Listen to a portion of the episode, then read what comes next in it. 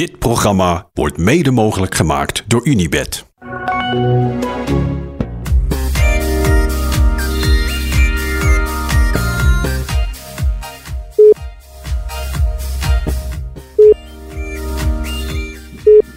Yo, Matthijs.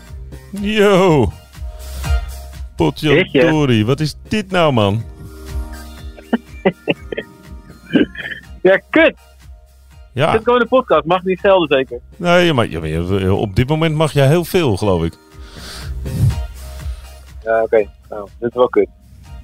Ja, dit is wel echt kut, zeg. Ik had me helemaal voorbereid op een van de lovende, lyrische eh, monoloog op de mooiste wedstrijd die je ooit gereden had. Maar niets is minder waar. Nou, we kunnen het wel ook over de wedstrijd hebben. Kom Ja. weg. Ja, moeten we het ook wel even hebben. Maar laten we even bij, bij de huidige staat van welzijn eh, eh, beginnen. Hoe is het met je? Ehm, nou, ik eh, lig nu in een ziekenhuisbed in een ziekenhuis in een dorpje met de naam Eureka. Eureka. In een, dorpje van 3000 inwoners in the middle of nowhere. En dit is een beetje het enige ziekenhuis hier in de buurt. Dus ik ben eh, hier naartoe afgevoerd. En om mijn linkerknie zit een enorme brace. Eh, zodat ik hem alleen maar recht kan houden. Dus ik eh, lig met mijn, ja, die moet, mijn, mijn been ligt alleen maar recht voor me uit. En als ik hem beweeg, doet hij zeer. Ja, Want hij is eh, behoorlijk gehecht. En eh, ja, dat is eigenlijk eh, eh, het probleem. Ik heb voor de rest wel schaven en allemaal dat soort dingen. Een beetje beurs, maar dat is allemaal peanuts. Dat is gewoon de usual stuff. Maar mijn knie is wel gewoon echt wel ruk. Daar eh, zit een... eh, toen ik viel, eh, zag ik eigenlijk meteen eh, dat hij als een soort vulkaan omhoog stond. Dus de rand stond omhoog, stond een enorm gat in. En ik charming. keek er echt. ja, sorry. Dus de podcast probeert te omschrijven. Je hebt er geen foto bij. Nou, er staan wel video's hè, op je Insta en, Zeker, eh, ja. en op voor AD. een gevoelige kijker. Ja. Ja, ehm, en ja, ik zag gewoon het bot zitten toen ik erin keek. Dus toen wist ik wel dat ik een probleem had. Ja. Eh, en ze hebben hier vastgesteld dat ik eh, dat mijn patella, dus de kniepees, de, de pees die over je knie loopt, dat die is gescheurd. Eh, en nu is nog de vraag of die helemaal is afgescheurd of dat die deels is, is gescheurd. En dat gaan ze straks in Nederland gaan ze, het, gaan ze dat diagnosticeren. Dus ik vlieg morgen terug naar Nederland.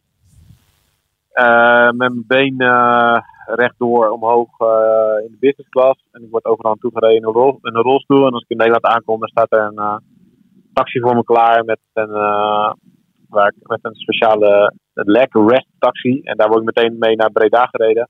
Oh. En daar eh, eh, staat er een specialist eh, voor me klaar die meteen naar mijn knie gaat kijken en echo's gaat doen. En mijn knie open, open gooit om te kijken hoe, hoe het eh, er precies voor staat daarbinnen.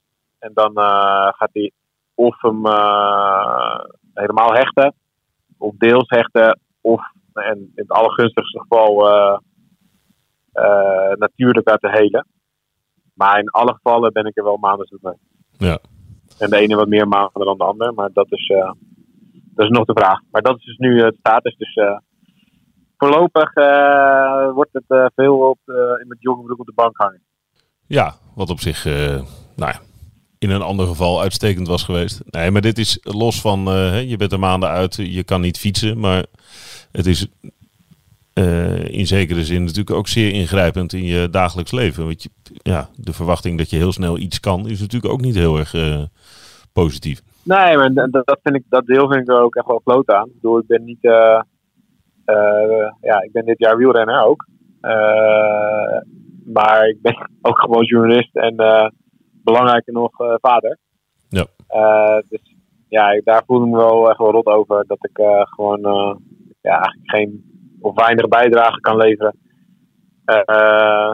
aan nou ja, gewoon de, de kinderen naar school brengen en boodschappen doen en gewoon het normale leven, zeg maar. En ja, dat ik niet kan fietsen voorlopig, dat vind ik ook kloten natuurlijk. En eh, ja, jullie zullen me straks op een podium moeten hijsen als we in Carré staan. Oh. Dus, eh, Ik denk dat je een takelwagen even moet bestellen en een, eh, en een, eh, en een kruk waar ik mijn benen op kan leggen. Ja, dat is geen enkel probleem. Nou, het wordt gewoon een rolstoel. 22 Ja. juni, rolstoel, carré, Thijs Zonneveld. Heerlijk. Ik moest jullie, werd hier dus het ziekenhuis ingevoerd. En toen was ik nog niet gehecht en niks. En toen wist ik dus nog niet precies wat aan de hand was. En ik wilde vooral kijken of ik op mijn been kon staan. Omdat ik vooral bang was dat ik mijn knieschijf gebroken had. Wat, Ja. denk ik, wat waarschijnlijk niet zo is, omdat ze dat uit foto's nog niet, dat niet blijkt in ieder geval. Maar toen werd ik hier dus naar binnen gerold in zo'n brancard. En toen moest ik van de ene bed naar de andere bed. En toen kwamen ze aan met een rolstoel. En of ik nog wilde douchen. En toen moest ik naar de rolstoel naartoe. Dus ik zei, ja, dat ga ik niet doen hoor. Ik loop wel gewoon. Ik- Het is me echt mijn eer te na in een rolstoel te gaan zitten. en, eh, maar dat kon dus echt niet. Moest ik allemaal papieren tekenen. Dat ik eh, allemaal eh ervan afzag. Want anders kon ik ze gaan soeën en zo, weet ik veel. Het is wel gewoon Amerika natuurlijk. Ja. Dus eh, ja, toen kwam er een nurse naar me toe die zei: Ja, maar ik ga echt, eh, ik riskeer het echt te worden ontslagen als, je, als ik je laat lopen. Toen heb ik toch maar in een rolstoel gezeten. En achteraf was het ook wel goed, want eh, ja, het was achteraf ook niet super slim om erop te lopen, omdat ik het eigenlijk niet mag belasten. Nee, als het nog niet helemaal is afgescheurd, dan eh, loop je ook het risico dat het wel helemaal afscheurt natuurlijk. Ja, precies. Ja. Dus eh, ik moet. het achteraf was het ook goed. Dus ik was eh, vooral irritant hier voor die uh, pleegsters, omdat ik dus. nou ik wilde het niet, niet toegeven aan het feit dat ik afhankelijk was. Maar het was prima dat ik het achteraf wel heb gedaan. Ja, je bent natuurlijk het prototype rotpatiënt. De, de- je hebt totaal geen overgave aan eh, datgene wat je mankeert. Nou ja, eh, En ja. nu moet je wel. Ja, nu zit je Nu moet ik, vast moet ik. Ik heb er nu wel bij neergelegd. Ja. Eigenlijk ging het heel goed tot ik eh, gehecht moest worden. Ja, die hele knie stond gewoon open. Dus die moest natuurlijk er moest echt wel heel veel hechting in. En ze hebben een soort ankers in de, in de pezen gezet. Zodat hij niet verder eh, achteruit trekt, zeg maar, die pezen. Oh ja, ja. Niet verder, eh, dat die pezen niet, niet verder in mijn, ja, in mijn benen, in mijn bovenbeen en in mijn onderbeen schieten, zeg maar. En daarna moest hij worden gehecht. Maar ik eh, reageerde dus heel slecht op verdoving. Of, of ja, misschien andersom. Ik reageer heel goed op verdoving, namelijk dat het niet werkt voor mij. dus als je me verdooft, dan doet het niet zoveel. En dat heb ik eerder ook al gehad in Nederland met operaties. En, eh, maar in dit soort gevallen is het best wel vervelend. Want ja, ze konden me verdoven wat ze wilden, lokaal dan. Ik voelde toch gewoon alles. Dus ik heb op een gegeven moment maar gezegd, eh, ja, eh, flikker in godsnaam die hechtingen erin, dan zijn we er klaar mee. Maar dat was niet, was niet het leukste deel van de dag. Nee, dat was wat stoerder gezegd dan dat je na afloop voelde. Ja, maar ja, het was op een gegeven moment niet anders. Ja, ze hadden op een gegeven moment voor tien man naar verdoving in, in, ingespoten lokaal. En het deed gewoon niet zo heel veel. Ja, dan kan je er wel voor twintig man in doen. Maar dan, ja, dan duurde het alleen maar langer en dan was het alleen maar nog kloteriger. Dus eh, ja, die heb ik ook nog... eh een kleine, kleine marteling hoort er nog bij. Maar dat is, nu, ja, ja, dat is nu waar ik vooral last van heb. Van de, qua pijn dan. eh, die hechtingen zijn gewoon kloten. En dat, dat, ja, dat eilt nog een beetje na. Ja. En eh, dat is niet, eh, ja, dat is niet te fijn. Maar verder eh, krijg ik heel veel eh, steun van alle kanten en veel berichten. En eh, ja, hier gaan een hol doen natuurlijk de hele dag. Nee. En dan Nee. moet ik stil liggen. Maar even, hè, die, En eh, hij- je hoort altijd dat Amerika, eh, half Amerika verslaafd is aan de oxycodon. Bevalt dat spul Ja. een beetje? Ja, nu wel, want dat is eigenlijk een van de weinige dingen die dus wel werken. Dus ja, we kwamen op een gegeven moment aan met, ja, maar wat gebruik je in Nederland dan als je, als je zoiets hebt? Dus ik zei, ja, ik weet niet, de laatste keer dat ik mijn sleutelbeen brak, toen, eh, ja, een beetje uh, ibuprofen en paracetamol en misschien een keer een tramadol. Oh Maar ja. verder helemaal niet. Sloegen ze echt helemaal stijl van achterover. En eh, ja, maar je wil je geen morfine nu en zo. En dat was dus nog voordat ik werd gehecht. En toen had ik echt niet zoveel pijn. En toen ik zei, ja, morfine, eh, ga weg. hè. Ik ga geen morfine nemen. eh, Voor als ik gewoon een paar, een, gat in mijn knie heb en, een- en een paar schaven. Zei ze, ja, maar dat doen we echt heel snel. Want dan, anders geven we oxycodon, weet je wel. En ik deed het afhouden. Maar na die hechting eh, was een oxycodonnetje toch wel fijn. Oh. Dus ja, als ik terug, terugkom als een verslaafde, dan eh, ligt het eh, daar. Nee, dat zal wel meevallen. Hey, ik neem aan dat de hele afvaardiging van eh, Unbound, want dat is de wedstrijd die je gereden hebt in het midden van Kansas, als ik het goed be- begrijp. Ehm, dat Larry War Jan Bakelands, uh, Laurens ten Dam, Ivar Slik en Jasper Sokkeloen, Okkeloentje, dat die allemaal even met een verse biefstuk langs je bed zijn gekomen, toch? nou, voor zover ze weten dat ik die liggen, hebben ze allemaal hele aardige dingen gestuurd en berichten gestuurd om dat te denken. En ik hang net Sokkie op, toevallig. Oké. Okay ja, die, gaan we, die vinden het heel vervelend. Maar ja, uiteindelijk, ja, we kunnen die gasten doen uh, niet zo heel veel. Ik ben wel echt uh, super blij met uh, de hulp en steun van mijn ploeg. Die hebben echt gisteren meteen allemaal medische kennis ingeschakeld om me te helpen en om te overleggen. Want er was nog even sprake van dat ze hier aan mijn kniepees gingen sleutelen. Ja. En toen, dat heb ik even afgehouden, omdat ik eerst wilde overleggen. En daar kwam ook wel redelijk snel vanuit Nederland het ja, uh, dringend advies om dat vooral niet hier te laten doen in een klein streekziekenhuisje met een uh, eerste hulparts die zei, van zichzelf al zei dat er geen kniespecialist was. Oh ja. Dus dat is wel echt fijn. Dus Piet heeft me echt super goed geholpen, eerlijk gezegd. Daar ben ik ook wel echt blij mee. Dus uh, aan de voorkant hebben we er super veel tijd en moeite en energie in gestoken. Maar het is niet zo dat, ja, als het dan niet gaat zoals we allemaal willen, dat het dan klaar is. Maar in tegendeel. Dus, ja, daar ben ik eerlijk gezegd ben ik daar wel heel blij mee. Want ik zou er niet aan moeten denken dat je hier allemaal in je eentje moet lopen uitzoeken. Dus uh, zowel mannetjes die hier mee zijn, een beetje de share en de cameraman, als uh, heel beat dat thuis zit en met alle kennis. echt super fijn. Ja, dat is, dat is een goede, goede zorg op afstand, weliswaar. Het grootste deel. Ja, zeker. zeker ja. Hey, wat overheerst nu in je, in je kop? Is dat, ben je een beetje pissig? ben je verdrietig? Ben je Zwaar teleurgesteld? Nou ja, alles een beetje. Wat ben je? Ik ben, wel gewoon ben sowieso teleurgesteld over uh, nou ja, dat de wedstrijd gewoon uh, om zeep is. Dat het een hoop uh, voorbereiding en trainen en dingen verlaten en opofferen voor niks was. Daar ben ik wel teleurgesteld over. En ja, ergens als je daar ligt in zo'n ambulance en je wordt afgevoerd, dan denk je ook ergens wel, godsamme, ik ben 42. Ik heb allemaal al een keer gezien zo ongeveer. Waarom moest je nou weer dit ook nog doen? Ja. En dit stukje participeren in de journalistiek had ik heel graag overgeslagen. ja. Maar ja, aan de andere kant, ja, uh, ik vind ook wel dat het, ja, het is misschien een beetje uh, heel breed, maar ik vind ook wel dat het leven bestaat uit uitdagingen zoeken en uh, af en toe proberen je grenzen te verleggen. En ik heb met mijn kinderen toevallig vanmorgen dat gesprek gehad over dat als je een echte uitdaging doet die heel moeilijk is, dat het ook kan mislukken. En dat dat er ook bij hoort. Want als het heel makkelijk zou zijn, dan zou iedereen het doen en dan zou het ook geen uitdaging zijn. Nee. Dus ja, ik word een beetje heen en weer geslingerd tussen dat soort dingen. Maar uh, ja, ik, uh, weet, ik wist ook al gewoon van tevoren dat het uh, een super extreme wedstrijd is. Waar je ja, wat ook gewoon een, een halve overlevingstocht is. Uh, en waar je ook uh, de meest gekke dingen kunt tegenkomen. Inclusief hele negatieve dingen. En ja, dit, is wel, dit was het van tevoren. Wist wel dat ik ook ergens kon crashen een keer. Uh, um, dus het was wel een ingecalculeerd risico. Maar dat wil niet zeggen als het gebeurt dat dan heel tof is. Nee. Even over wat je kan de video's bekijken op, op AD. Daar staan twee afleveringen van jou met dit avontuur. En de tweede is, nou ja, dat eindigt uh, in het ziekenhuis. Um, je artikel, daar beschrijf Ja, goede en slechte tijden, hè? Ja, nee, absoluut. Ik, ik, dat dacht ik dus wel. Toen ik uit ja, je moet je telefoon meenemen hier. Want uh, als, je, ja, als er dus iets is, dan moet je in staat zijn om jezelf te kunnen redden en om je supportcrew te bellen.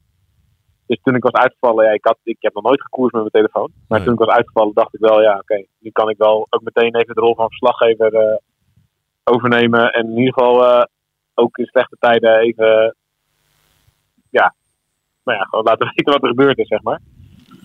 Ja, wat is er precies ja. gebeurd? Hoe, hoe gebeurde het? Nou, ja, misschien even gewoon beginnen bij het begin van de wedstrijd dan. Ja, dat kan uh, ook. Dat kan ook, ja. Tien voor zes. Volkslied, startschot. Ja, nou sowieso is het hier de hele week al echt een hele bijzondere sfeer. Er, er, er is hier echt in de hele omgeving. Ja, ik heb ben zelden in zo eh, dun bevolkte, bevolkte gebieden geweest als hier. Er is gewoon echt niks eh, op, op heel veel plekken. Je hebt eh, een paar snelwegen. En voor de rest is het allemaal gewoon gravelwegen die gewoon ja, dwars door de prairie lopen eigenlijk. Ehm, je ziet af en toe eens een keer een paar koeien. eh, heel af en toe een ranch. En een paar eh, van die jaaknikkers die olie oppompen. Maar de olie is hier op aan het raken. Dus eigenlijk zie je dat de dorpen en eh, het platteland steeds verder leeglopen nog.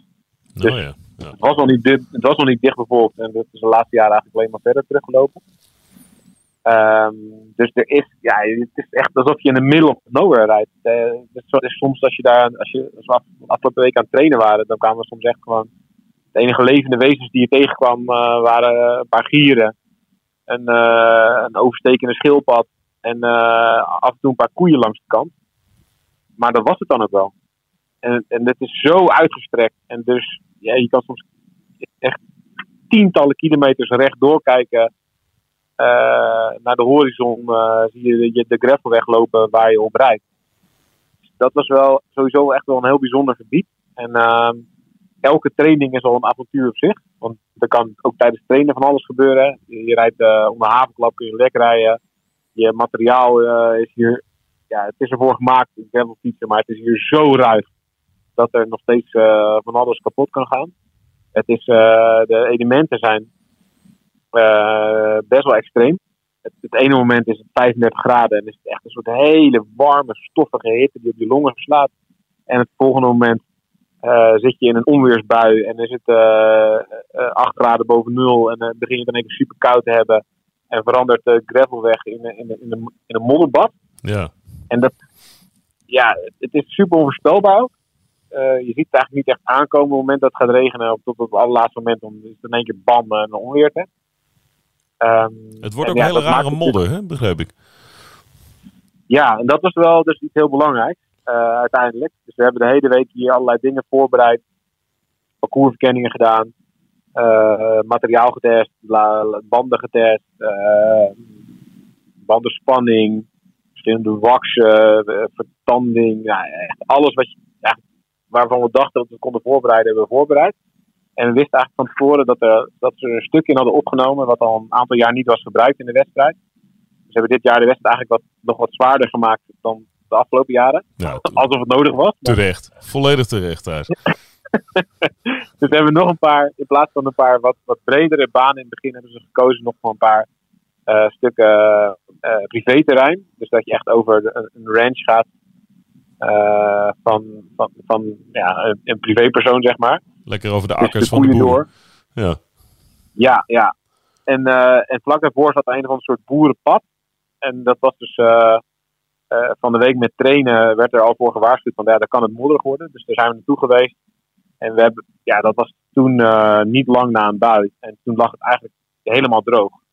En dan kon je er gewoon keihard overheen rossen. En was er niet zo'n probleem.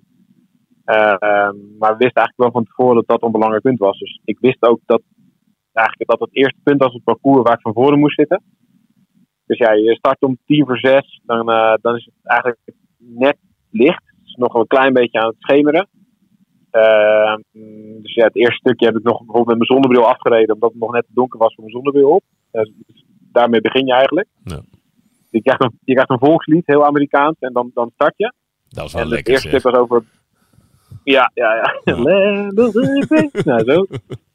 Kippenvel, ja of nee? start je. dat- Zeg je? Had je kippenvel, ja of nee? Nee, nee, nee. Ik krijg geen kippenvel Doe je niks. Nee, oké. Nee. En eh, ik stond toevallig naast. eh, ik stond naast. eh ik te praten met Laurens en Jasper. En ik stond naast Larry Warbass ook. En daar zaten we een beetje mee te over de. Die, komt dus, die rijdt voor Azië de Zer en die komt rechtstreeks uit de Giro.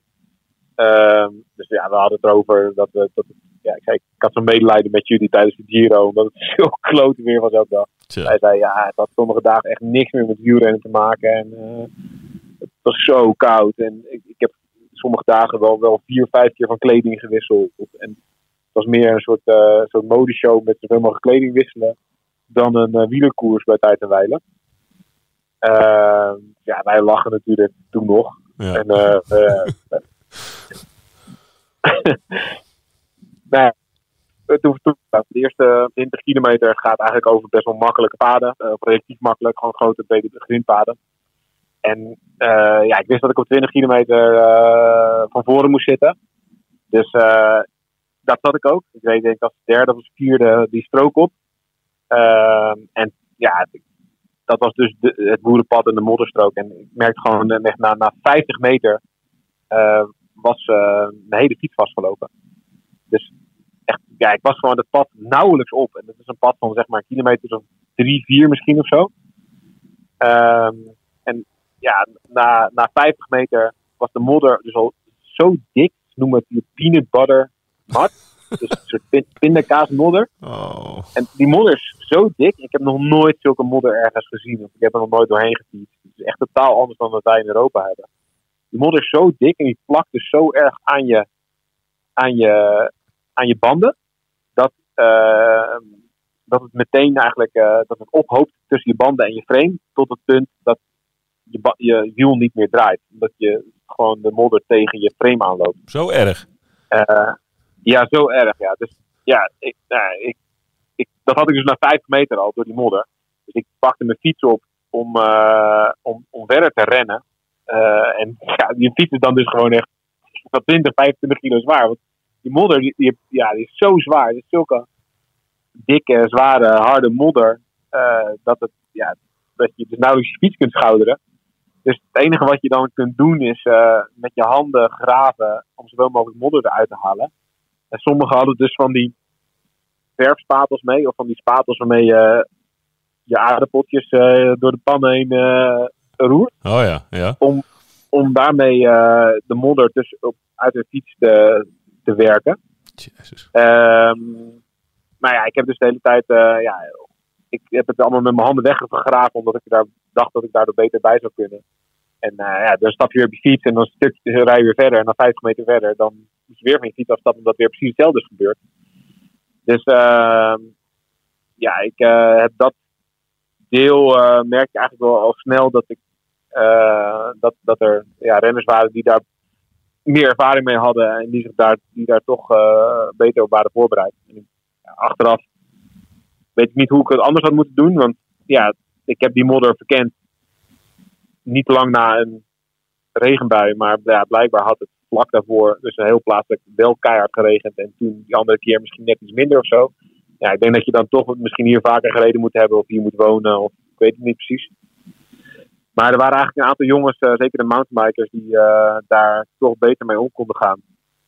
En die uh, ja, qua materiaal of qua tactiek daar toch een, een, slimmere weg in hadden gevonden. Um, en ja, daarna, ik heb alleen maar lopen aanprutsen daar. Eigenlijk samen met andere wegrenners. Dus die Warbest, die kwam ik tegen op een gegeven moment. Toen we allebei vol uh, met onze neus voorover in de modder waren gevallen omdat ons voorwiel vastliep. uh, ja, toen lagen we in zo'n zo plas met de tweeën helemaal aardmannetjes. Uh, toen keek ik naast me en toen lag die Warbuzzer. Dus toen zei ik, ja, dit is, was je nu toch maar in de Giro, hè? Toen zei hij, ja, ja dit, is nog minder, dit heeft nog minder met wielrennen te maken dan de Giro. dus ehm, ja, ik heb maar om aan te geven dat bijvoorbeeld ook Jasper Okkeloen, wat echt een van de allerhandigste renners is die ik ken, die kwam eigenlijk op dat stuk net zo goed niet uh, goed uit de verf. Dus dat was meer dan alleen maar handig zijn en, en goed door de kanten rijden, want dat kan ik ook prima. En niet zo goed als Jasper, denk ik, maar ja, die kan het echt wel beter dan 99% van het peloton normaal gesproken. En die verloor hier eigenlijk ook al de wedstrijd. No. En uh, ja, we, toen we het stuk afdraaiden, toen uh, was ik ingehaald door de groepen die achter me starten. Dus de, eigenlijk de, de amateurs. En daarvan wist ik dat ze 10 minuten achter ons waren gestart. Dus ik had toen op dat moment minimaal 10 minuten en waarschijnlijk meer uh, achterstand op de eerste. En ik had toen de mazzel dat uh, er ook nog andere goede renners zoals die Warbath en Bakeland. Die hadden eigenlijk hetzelfde probleem. Die konden eigenlijk ja, die konden ook niet door, met die, uh, door die modder heen. Toen ja, zijn we, hebben we stukken samen gereden. En zeker met Bakeland heb ik een heel eind opgereden. Tot ik uh, nog een keer moest stoppen om mijn fiets schoon, te, schoon te boenen. En hij doorreed. En toen hebben we denk ik 20 kilometer op een half minuut van elkaar gereden tot we in een groep kwamen. En daar hebben we wel, weer heel lang samen gereden. Maar eigenlijk was het één grote inhaalrace. Want ik lag denk ik van 100 of 150 of zo naar die modderstrook. Op heel veel minuten. Dus uh, ja, daarna was het één grote inhaalrace. En uh, ja, we kwamen wel terug. Dus ik, op een gegeven moment lag ik in een groep met een hoop Amerikanen ook. Met Alex House van IF. Oh, ja. Rob Britton, dat is een goede prof hier. En Travis McCabe. Dat zijn wel bekende jongens die in Amerika en al die profs kiezen rond te rijden. En daarvan wist ik wel, ja, dat, dat zijn gewoon jongens die zijn gewoon gewend om ook om, om het slim aan te pakken en om dag, een hele dag te kunnen volhouden. Dus dat was eigenlijk wel een goede groep. En uh, ja, we reden toen rond op uh, plek 18, 19 of zo.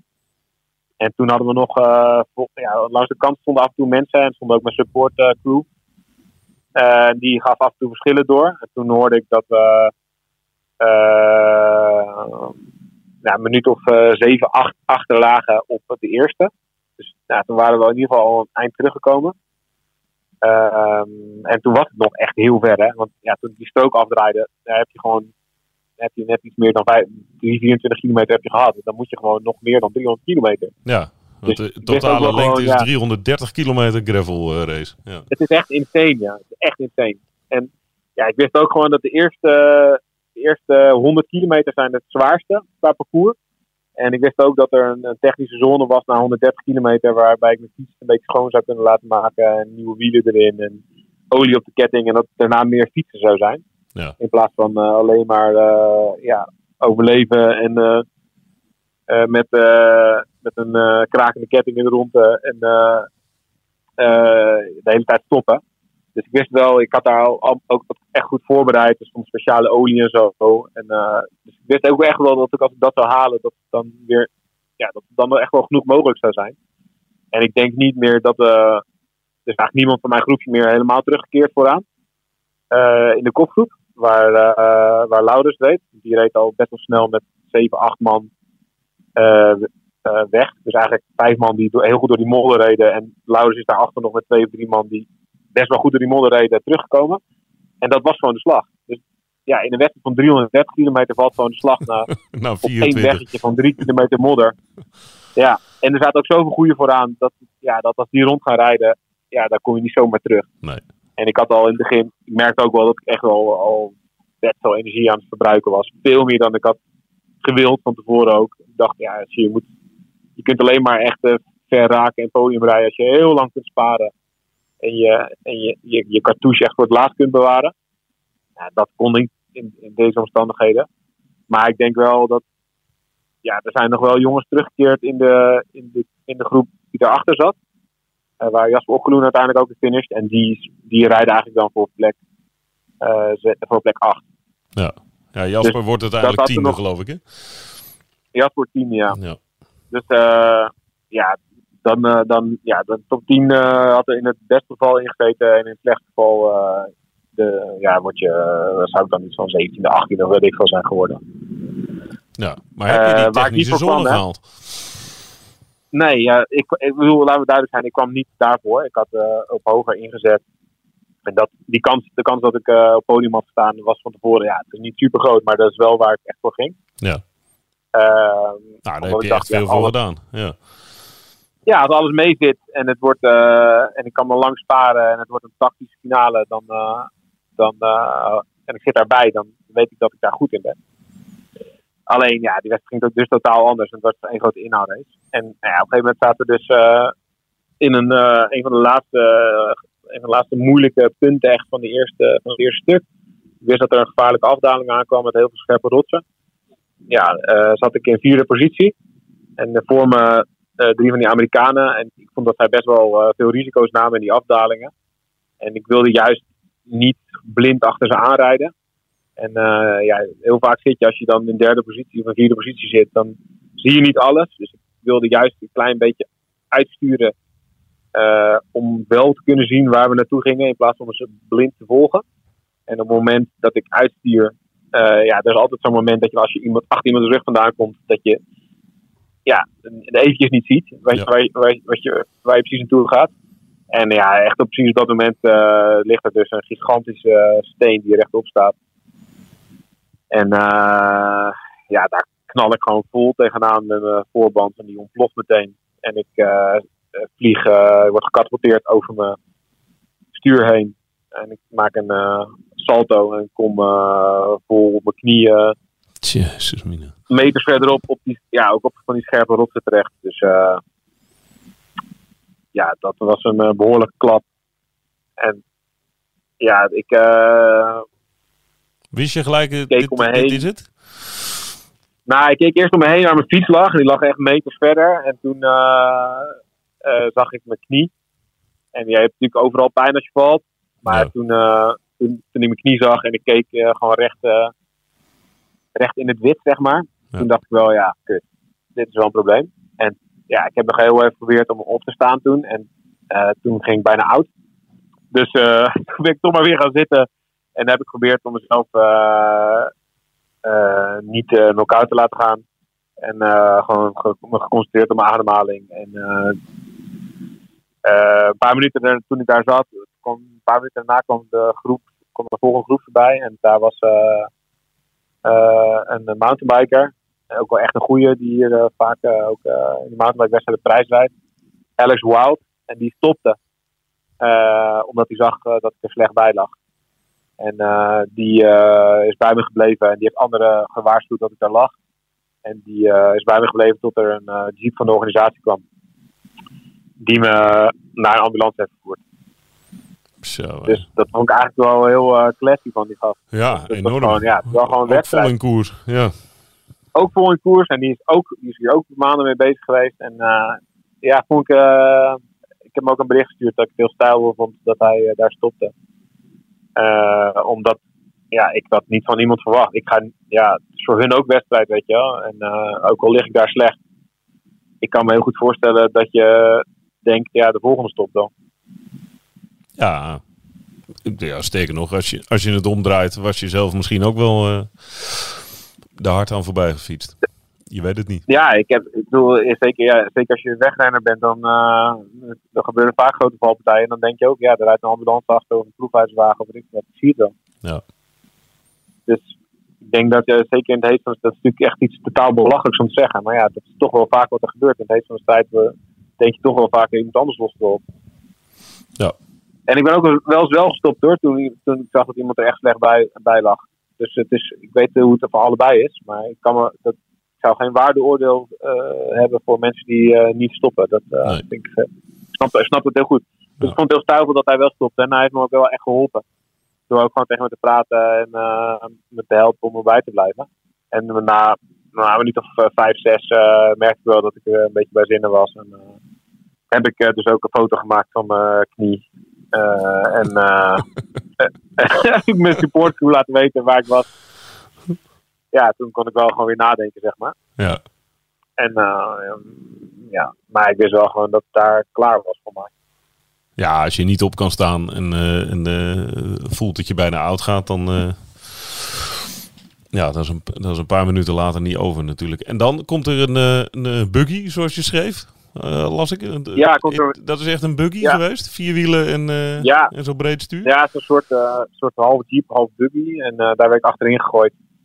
En ja, dan moet je hotsknossend over het parcours naar de ambulance. Daar had ook ja, mijn, uh, mijn, mijn mechanicien en cameraman hadden een, een hele grote pick-up. Met de vierwielaandrijving, maar die had daar ook niet kunnen komen. Dus dat is ook wel een beetje, dat is ook wel, ja, het is, het is echt voor oorlogswielrennen, weet je. Dat je het echt soms in je eentje moet kunnen oplossen. Ja. Als je daar valt met trainen en je bent in je eentje en je hebt daar geen bereik. Ja, je, dan moet je echt zorgen dat je daar zelf dus een oplossing hebt. Want anders lig je daar gewoon vijf dagen voordat er iemand langskomt. Ja. Dus ja, dat is ook wel. Het is echt. Uh, dat is natuurlijk ook de aantrekkingskracht van die wedstrijd. En waarom die zo groot en belangrijk is. En waarom het zo prestigieus is als je hem wint. Omdat het, iedereen komt allerlei dingen tegen. En de een rijdt lek en de ander rijdt zijn, zijn vel kapot. En de volgende, Ivar Slik, die reed zijn, zijn, in, die, in die modder reed hij zijn, zijn versnellingen kapot. Is die al en binnen? die uh, had nog. Ja, zeker. Die had dus nog twee versnellingen. Dit. Die had nog gewoon de 11. Ja? Dus een binnenblad 11 en buitenblad 11. Holy fuck. En die gast heeft dus gewoon de finish gehaald. Als uh, 32e geloof ik of zo ook nog. Ja, Jezus. Kan je na? oh, ik weet niet wel hoe, moe de van als ik aan hoe zijn knieën nu voelen, maar ja, dat lijkt me ook niet een pretje als ik de knieën van Ivar Slik ben vandaag. De dag na de wedstrijd. Nee, dat is erger dan de knieën van Pieter Wening. Dat ongelooflijk dat hij de finish heeft gehaald. Ja. Op, eh, die heeft gewoon dus met twee versnellingen en twee tamelijk grote versnellingen heeft hij eh, gewoon eh, het hele parcours afge, afgereden. En eh, ja, dan finish, je, dan finish je op anderhalf uur van de winnaar, geloof ik. Maar toch, ja, dat is eh, ja, echt eh, diep respect. Maar is het een soort, eh, een vergelijking is altijd flauw, maar ergens ook wel goed voor. Is het een soort Elfstedentocht door, door de modder en over, over stoffige wegen? Nou, dat, zoiets. Ik denk dat dat wel, eh, wel meer in de buurt komt. Eh ja, Parijs-Roubaix in de regen. Elfstedentocht met eh, ja, dat je dus aan het begin misschien ook wel soms een stuk moet zwemmen. Of eh 10 kilometer moet klunen. Ja, door de modder. Ja. En je ziet ook zo ook echt dat er ja, wel een specifiek soort renner dat er goed in is. Eh, ik, ja, ik, ik denk, ik heb Laurens eh, aan, de slag gezien nu in deze wedstrijd.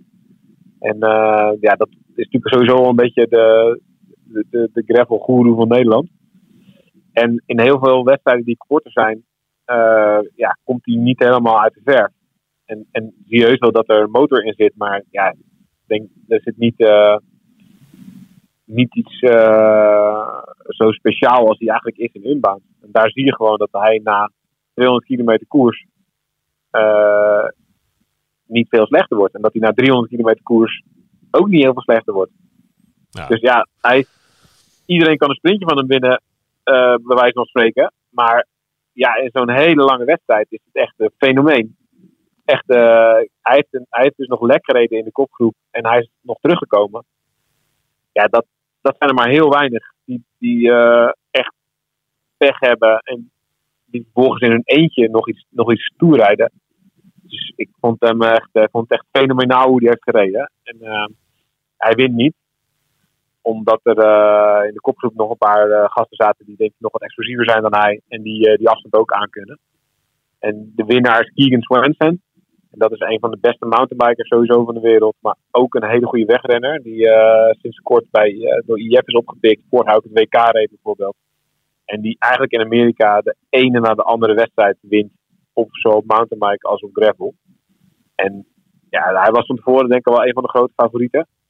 En dan zie je ook wel dat hij er nog veel meer mee bezig is. En ze krijgen eh, echt eh, godsvermogen betaald. En als hij dus in de, in de pitcrew, in de pitstop, in de pit komen, dan is er ook echt een pitcrew voor ze. Die, eh, waar vijf man tegelijk aan de fiets staan te werken. Er komt gewoon echt aanrijden als Max Verstappen. De fiets wordt opgetild, er worden nieuwe wielen ingedaan. Er, er komt een kerger met die fiets spuit. Hij krijgt zelf een nieuwe bril op. Iedereen heeft een aparte taak, zeg maar. Dan zie je wel echt aan dat het ook nog wel baas boven baas is. Ik zie ontwikkelingsmogelijkheden voor jouw ploeg, voor Beat. Ja, we hadden het echt goed voor elkaar. Want ik denk dat er heel weinig zijn die de eerste keer reden en zo goed voor elkaar hadden als wij. Ehm, maar je ziet toch wel ook dat er ook wel zulke extreme omstandigheden soms zijn. Waar je gewoon specifieke kennis voor moet hebben. En eh, waar je, ja, dan wonen we toch wel eh, net even een paar duizend kilometer te ver weg. Ja. In een keurig aangehakt land waar het eh, zoeken is naar gravel. Nou ja, maar ja, zeker. Dus ja, ik, eh, ik denk dat we het echt fantastisch hebben gedaan van tevoren. Ik denk dat eh, ik echt super voorbereid aan de start stond. Ik denk dat mijn vorm heel goed was. Ik denk dat ik het aan de voorkant niet zo beter had kunnen doen. En dat ik in de wedstrijd zelf tegen omstandigheden ben aangelopen die ik, eh, ja, die ik niet, niet zo van tevoren had zien aankomen. En waar ik ook niet weet hoe ik me daarop had moeten voorbereiden anders dan er een jaar wonen en eh, hier elke week in de rond te rijden en eraan wennen. Ehm, en ja, ik baal gewoon ontzettend van de, van de crash. Eh, omdat ik niet weet waar ik was uitgekomen. En ik denk als je top 10 rijdt in een wedstrijd als dit, dat het een fantastisch resultaat is, überhaupt.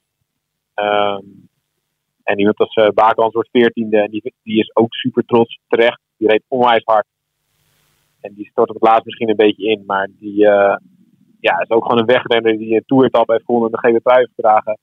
Die hier rond rijdt met onwijs veel liefde voor zijn vak en voor, voor de sport. Ehm, en die rijdt ook een prachtige uitslag.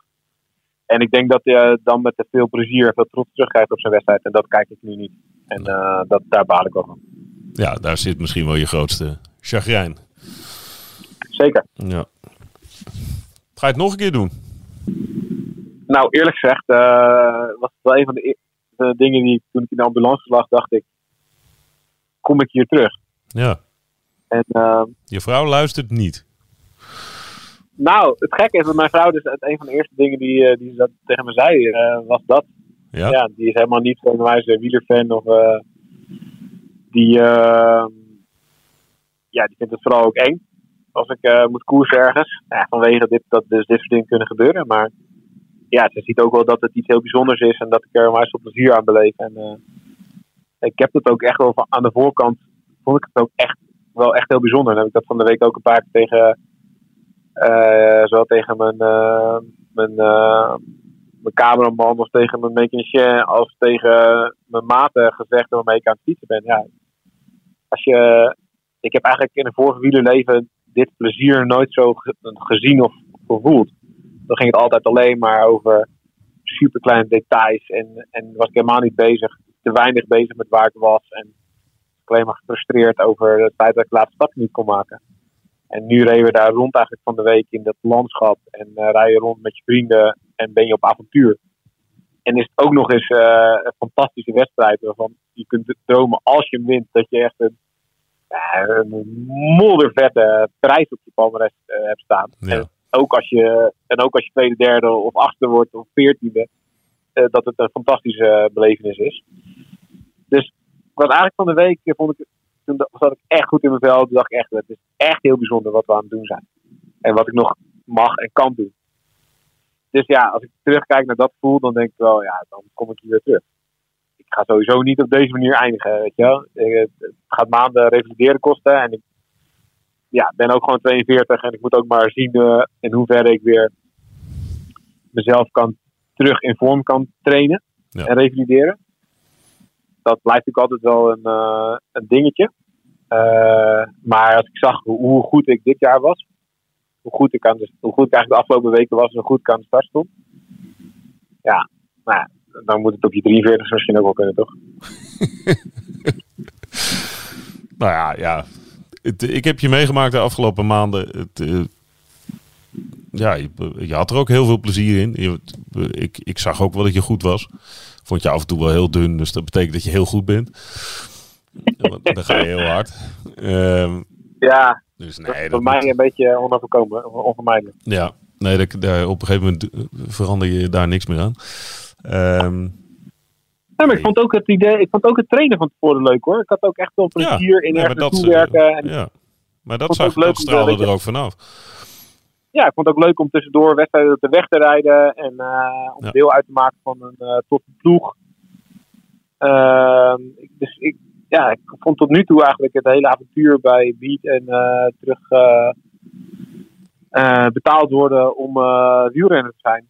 Vond ik eigenlijk eh, tot gisteren eh, de 100 kilometer in de wedstrijd, vond ik het eigenlijk heel leuk. Ja, Vond ik eigenlijk alleen maar heel positief. Dus ja, ik vind het ook een beetje, ook wel, ja, ik wist dat het kan gebeuren, ja. Af en toe crashen. Het gaat erom dat je weer opstaat. dat is zeker waar. Een waarheid als een koe. Wel keihard. Maar ja, Dus hoort er ook bij, hè. Ik weet ook weer, eh, ook weer mijn neus op de feiten gedrukt hoe Wilke Kelderman zich af en toe voelt. Ja, Of eh, hoe Annemiek van Vleuten zich soms voelt. ja. En hoe Lau Amsterdam zich eh, zijn halve carrière heeft gevoeld. Die is ook wel een paar keer hard gecrashed, ja. Zo, hè. Maar die is ook, eh, aardig taai. en Nicky. er zijn er weinig die, eh, die bespaard blijft dit. Ja. Ja, nee, ik ben zelf een, eh, een dikke amateur. Het is mij ook niet bespaard gebleven. Dus het, het overkomt iedereen. Oké. ehm, morgen vlieg je terug. Dan zien we verder hoe het, eh, hoe het met je gaat. En dan eh, weten we ook eh, hoe je erbij rolt de 22e. En de Tour. Ja, die en de 22e, Tour dan bijvoorbeeld. zorg We weten nog helemaal niks. er Nee, met die 22 zorg je maar dat, er, dat, ik, een, dat ik het podium word op een rolstoel, ja? Ja, dat is goed. Nou, ik zal zo'n bed... je kan zo'n bed huren, toch? Nee, echt niet. echt niet.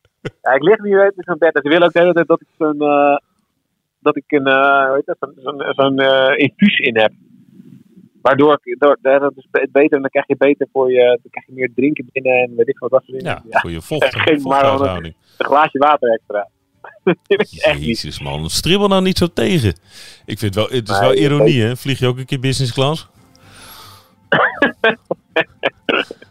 Godsamme. Ja, Ja. Als ik dit weer. ervoor moet doen om business class te vliegen, ja laat maar dan. laat maar.